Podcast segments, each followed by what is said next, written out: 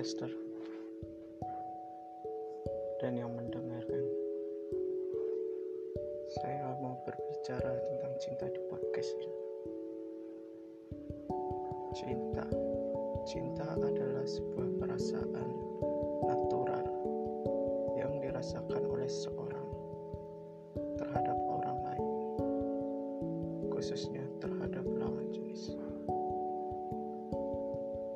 Perasaan saling mencintai, saling memiliki, saling memenuhi, dan saling pengertian yang sama sekali tidak dapat dipaksakan. Oleh karena itu, dua orang saling mencintai akan membuat sebuah komitmen hubungan untuk mengikat perasaan cinta tersebut agar menjadi suatu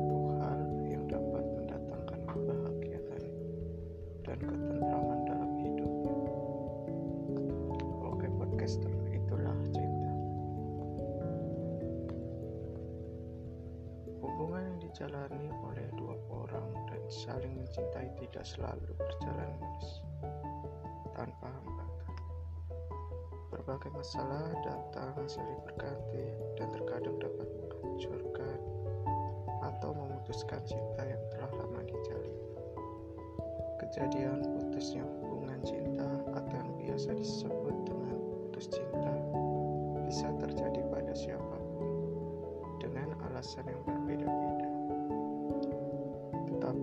reaksi dari putus cinta pada umumnya sama, yaitu individu akan merasakan kesedihan, kecewaan, kemarahan, penyesalan, dan putus asa. Meskipun ada sebagian di antaranya yang merasakan bahagia karena putus cinta. Menurut Yuanto 2011, putus cinta merupakan kejadian berakhirnya suatu hubungan cinta telah dijalin dengan pasangan. Individu yang masih mencintai pasangannya dan kemudian mengalami putus cinta umumnya akan menampilkan reaksi kehilangan. Terutama di awal-awal putus cinta, tetapi sebagian lainnya dapat menganggap putus cinta itu sebagai pengalaman berharga dan merupakan suatu proses menuju kedewasaan dalam hidupnya. Oke, podcaster yang sedang mendengar, apa di antara kalian semua juga sama? Bahkan mungkin sudah ada yang merasakannya.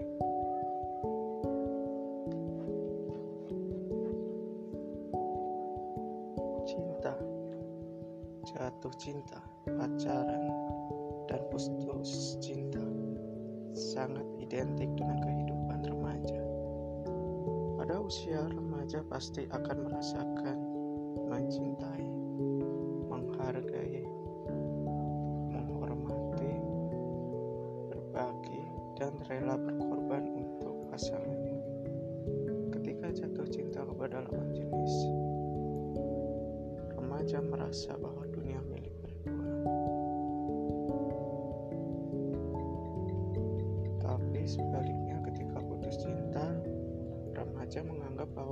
dunia seakan runtuh dan dirinya merasa menjadi orang paling menderita di dunia.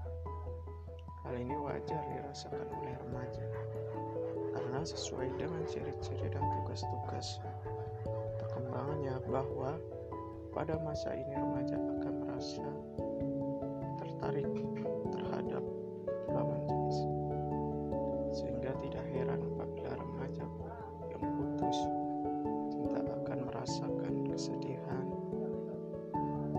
serta kekecewaan yang mendalam dan berujung pada tindakan negatif seperti bersekolah, membunuh diri di kamar, stres, kehilangan semangat, merokok, minum minuman keras, bahkan ada pula yang melakukan bunuh diri.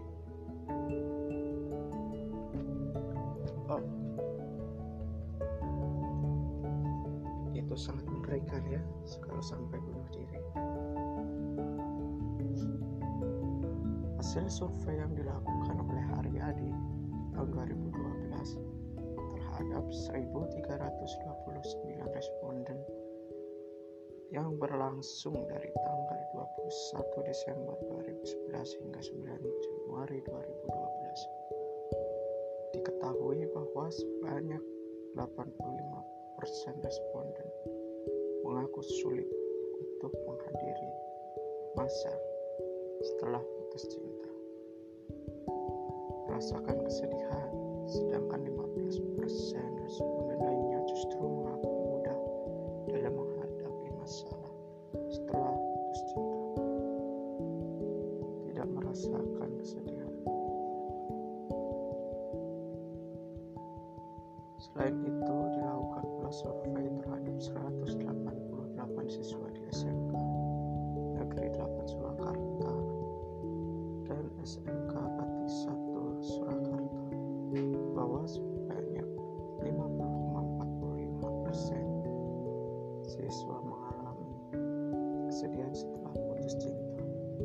21,4 persen merasa galau 13 persen biasa-biasa saja 7,98 persen justru merasa bahagia dan sebanyak 1,0 persen merasa marah. Sedangkan penyebab paling dominan putusnya hubungan cinta tersebut adalah karena sering bertengkar atau karakter yang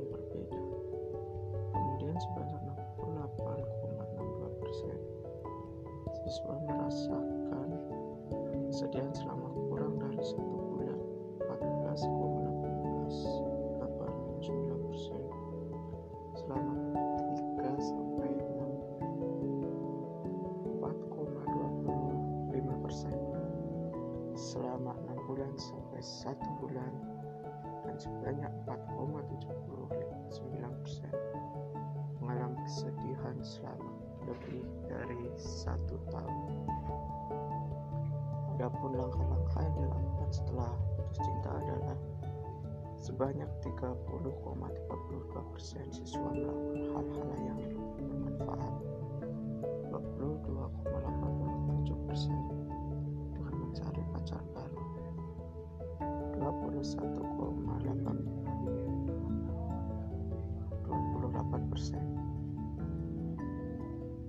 introspeksi diri. 20,21 persen sharing dengan teman. Dan 5,32 persen lainnya tidak memikirkan lagi masalah percintaan. Berdiam diri di kamar serta melarikan diri ke hal-hal negatif. Secara umum 63,83 persen siswa merasa konsentrasi belajarnya di sekolah tidak terganggu, sedangkan 36,17 persen siswa merasa konsentrasi belajarnya di sekolah terganggu akibat putus cinta tersebut. Berdasarkan hasil survei, diketahui bahwa perasaan sedih ketika putus cinta Tetapi ketika remaja merasakan kesedihannya hingga lebih dari satu tahun dan bahkan hingga mengganggu konsentrasi belajar di sekolah, maka itu merupakan masalah besar yang memalukan upaya atau penyesalan khusus pada remaja tersebut agar jadinya tetap dapat bangkit dan menjalani hari-hari seperti biasa. Dalam keadaan ini, remaja akan merasa tertekan, frustasi, atau putus asa karena ketika sedih harus tetap sekolah dan belajar sebaik-baiknya. Sehubungan dengan masalah putus cinta tersebut, ada remaja berhasil mengembalikan konsentrasi belajarnya dengan cepat dan apabila yang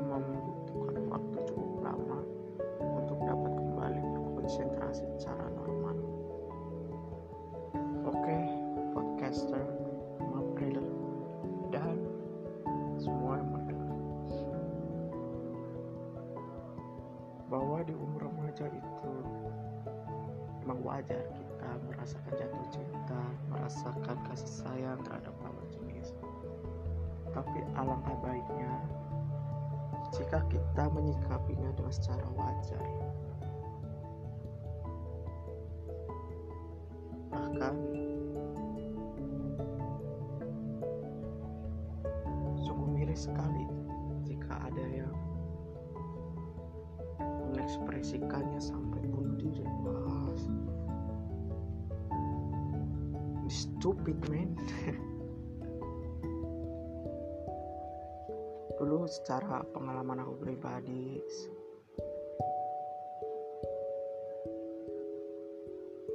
selagi masih di dunianya abu-abu nih di saat masa-masanya cinta monyet ya yang ku rasain setelah putus malah lega. Bebas free. Dan fokus semua apa yang ku kerjakan. Di saat sebelum putus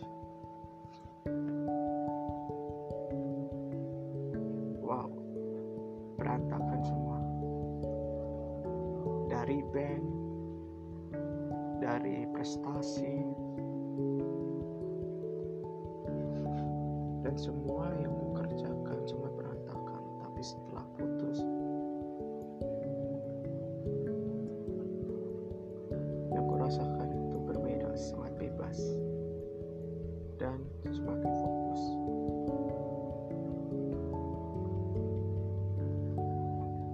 Oke para pendengar khususnya yang banyak yang mendengar adalah dari kalangan remaja.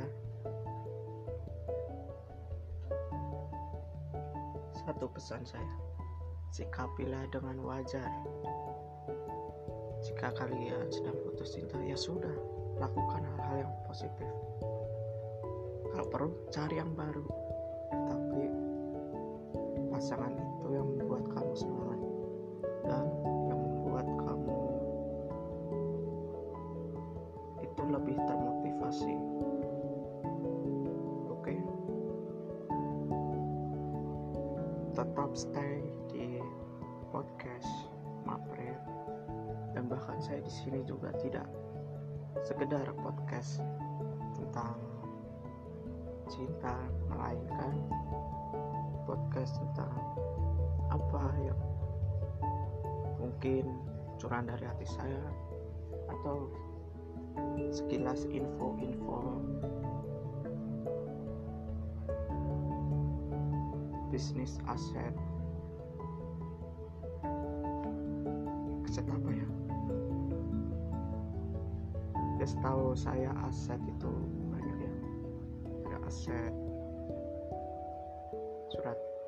terus aset properti dan aset portofolio yang kemungkinan saya akan berbagi tentang aset portofolio apa saja oke okay? tetap stay dan listen di podcast Mapril Halo,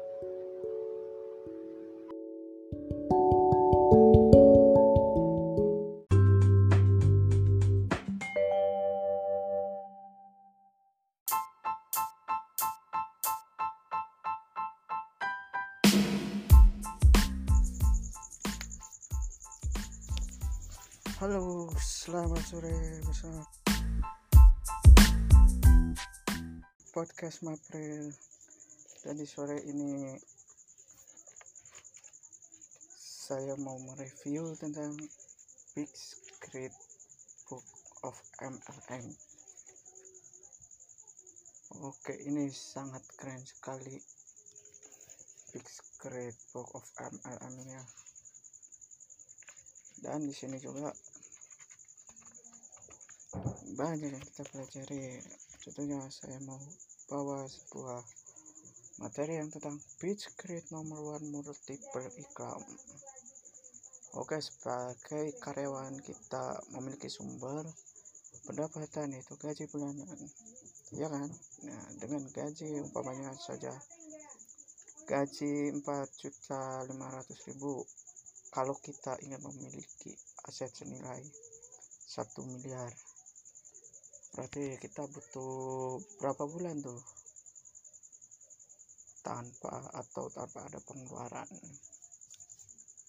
Kalau sekitar gaji 4 juta 500 ribu kita jika ingin memiliki aset senilai 1 miliar maka yang kita butuhkan berarti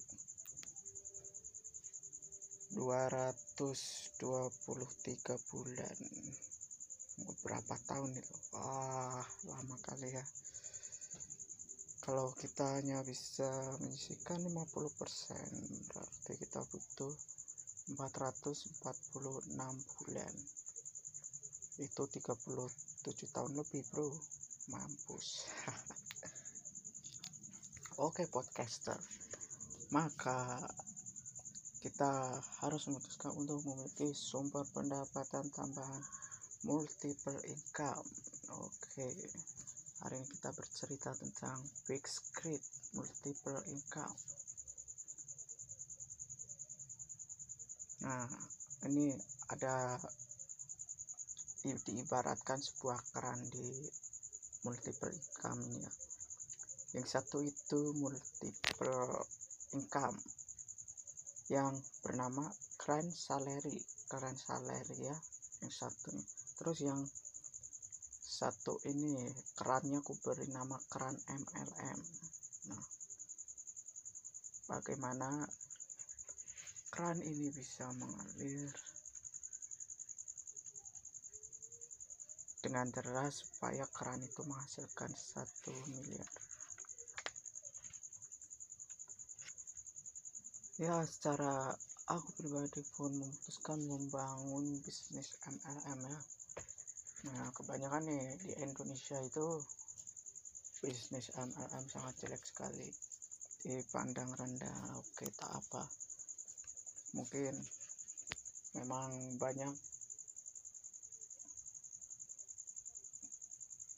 money-game di luar sana yang berkeliaran ya yang mengatasnamakan MLM. Tapi tidak semua MLM itu jelek loh. YMLM. Oke. Okay. Saya beritahu di sini di podcast Mapel. Karena di bisnis MLM kita membutuhkan bisnis kita sendiri, ya kan? Banyak lagi alasan lain. Kita paparkan saja sebagai berikut ini yaitu script one bisnis idaman Nah, wajib tahu nih bagi kalian, mengetahui sesuatu dan memahami segala sesuatu lebih baik daripada mengetahui segala sesuatu tetapi tidak memahami sesuatu. Oh, maksudnya apa nih? Oke, aku jelaskan di sini di bisnis idaman. Dan di bisnis idaman ada lima karakteristik bisnis idaman. Oke, langsung saja dengar di podcast my friend. Semua orang mendapatkan sebuah bisnis yang memiliki karakteristik. Nah, ini yang nomor one, modal rendah. Jika terjadi kegagalan, dalam bisnis yang sedang ditekuni, maka kegagalan tersebut tidak akan mengakibatkan kerugian yang besar. And number two, adanya pengarahan, bimbingan, dan dukungan pengarahan, bimbingan, dan dukungan ini diharapkan dapat memberikan informasi tentang itu ah, cara memulai bisnis terus cara mengelola dan mengembangkan bisnis cara menyelesaikan persoalan yang timbul dalam bisnis cara menghadapi hambatan yang ada pembimbingan yang mampu mengingatkan dan memberikan motivasi serta membantu untuk kembali berdiri tegak saat mengalami sebuah kejatuhan seperti pertemuan, training, seminar, dan sebagainya. Risiko kecil jika mungkin bisnis tidak berisiko sama sekali. Pendapatan besar, tingkat pendapatan ini diharapkan dapat terus dikembangkan hingga tidak terbatas ekspansi mudah bisnis ini harus bisa diperluas wilayahnya sehingga seluas-luasnya Oke, selama ini belum pernah ditemukan karakteristik bisnis idaman tersebut. Ketika muncul sebuah peluang bisnis dengan karakteristik yang selama ini dicari, malah di sini banyak justru orang yang tidak percaya. Ya, mau gimana percaya? Kita kan belum tahu.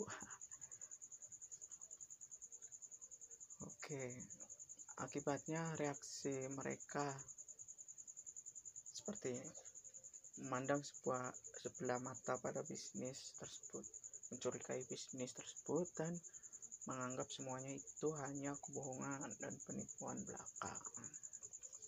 Oke, wajar lah kalau bagi kita yang nggak tahu. Menghindari dan menganggap bisnis tersebut tidak mungkin untuk dilakukan.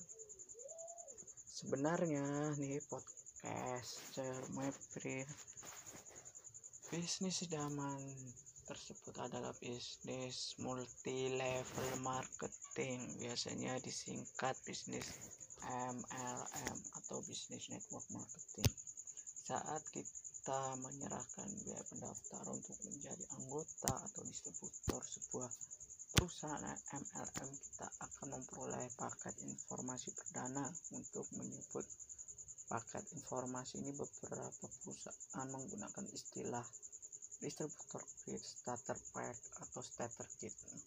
Adapun karakteristik dari bisnis MLM adalah yang pertama modal rendah. Gimana yang dimaksud modal rendah ini? Nah, ini ya. Modal yang dibutuhkan untuk menjalankan bisnis MLM tidaklah tinggi, hanya berkisar pada puluhan ribu rupiah. Rendahnya modal awal ini disebabkan karena sebagai distributor atau agen perusahaan MLM kita tidak harus menyediakan tempat seperti ketika kita membuka toko atau kantor untuk jenis usaha lainnya. Kita bisa menggunakan rumah kita sebagai tempat usaha bahkan ada perusahaan MLM yang menyediakan tempat atau kantor sebagai pusat kegiatan para agen atau distributornya. Nah contohnya apa nih? Ya contohnya yang aku ikutin nih HDI HDI ini sudah ada kantor sendiri di Menteng terus di Surabaya juga ada. Dan banyak juga stok-stok di berbagai kota juga. Sebagai distributor atau agen kita tidak perlu memiliki persediaan stok barang yang banyak. Cukup hanya sebagai contoh produk saja. Walaupun kita ingin memiliki persediaan produk, persediaan itu hanya bertujuan untuk memudahkan kita dalam melakukan transaksi ketika terjadi transaksi di rumah konsumen atau prospek kita tidak perlu membuang waktu untuk perjalanan pulang pergi dari rumah konsumen ke kantor perwakilan perusahaan hanya untuk membeli satu atau dua buat produk saja persediaan atau stok barang yang besar dilakukan oleh pihak perusahaan ataupun pihak yang telah ditunjuk oleh persahabatan sebagai perwakilan di wilayah. Hal inilah yang membuat distributor atau agen sebuah perusahaan MLM tidak membutuhkan modal yang besar. Oke, dan yang menariknya lagi, in the now, sekarang. Hmm, kita gabung di HD ini hanya cukup 50 ribu rupiah. Di 50 ribu rupiah lah seberapa sih besarnya ya? Paling buat beli kopi di cafe aja belum cukup karena yang aku dengar sendiri nih kopi cafe ini rata-rata ada 100 ribu sehingga sampai 150 ribu lebih lah. Mungkin dengan uang jajan kamu itu yang 50 ribu mending gunakan untuk bergabung di ada nggak ada ruginya Oke selanjutnya sebagai distributor atau agen kita tidak perlu mengeluarkan biaya untuk menggaji manajemen perusahaan MLM biasanya telah menyiapkan manajemen untuk menangani bidang administrasi serta seluruh kegiatan operasional lain. Dengan demikian, para distributor atau agen cukup hanya memfokuskan diri pada bidang pemasaran dan pembentukan jaringan rekan kerja atau networking. Selain itu, modal awal kita sediakan sebenarnya hanya digunakan untuk mengganti biaya cetak dari yang pertama lembaran brosur yang mengulas tentang profil atau perusahaan. Kalau sekarang udah enak lagi tidak perlu browser tapi cukup dengan digital lalu lebih mudah lagi barang browser yang berisi keterangan produk-produk yang dimiliki perusahaan. Kalau yang sekarang salah satunya adalah aplikasi BEC itu sudah sangat dipermudah sekali. Hmm, dan di aplikasi BEC juga ada banyak konten-konten yang membahas tentang itu dari pengenalan terus dari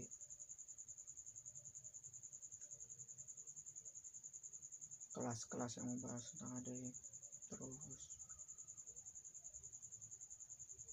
Banyak ya pokoknya. Lembaran informasi yang berisi rencana bisnis perusahaan. Informasi yang diberikan meliputi jumlah pendapatan yang bisa diterima cara memperoleh pendapatan yang lebih besar lagi serta langkah-langkah atau persyaratan yang harus dipenuhi baik dalam volume penjualan maupun banyaknya jumlah rekan kerja yang berhasil untuk nah di sini juga guys atau para podcast mapril uh, tidak difokuskan hanya untuk menjual saja nih tidak hanya difokus pada menjual produk saja. Emang di sini tujuan awalnya adalah menjual produk ya. Namanya bisnis ya memperkenalkan produk dong. Nggak mungkin bisnis tanpa jualan uh, di samping itu juga kita membangun sebuah jaringan yaitu jaringan rekan kerja kita. Supaya semakin luas jaringan kita nah pendapatan yang kita dapatkan juga banyak yang masuk. Tapi jangan tanya pendapatan aku berapa karena aku juga masih belum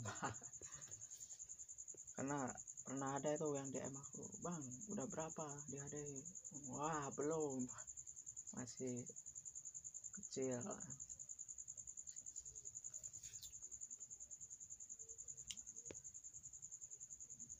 Oke, dengan mendaftar sebagai distributor atau anggota, maka kita resmi menjadi pemilik perusahaan yang bergerak di bidang distribusi dari produk-produk yang dimiliki oleh perusahaan tersebut. Nah, oke okay guys.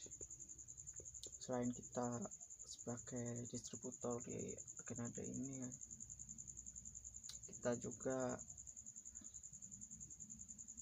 bisa menjadi seorang pemilik dari perusahaan ini. Dan yang lebih enaknya lagi itu di sini kita bisa mendapat bagian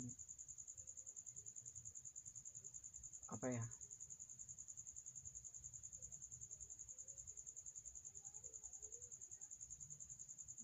bagian saham dari perusahaan. Contohnya nih pendapatan saham ini berapa? Nanti kita bisa mendapat sekian persennya dari perusahaan. Tapi kalau kita sudah menjadi enterprise HDI salah satu menjadi distributor terus yang keduanya kalau kita udah menjadi salah satu stakeholder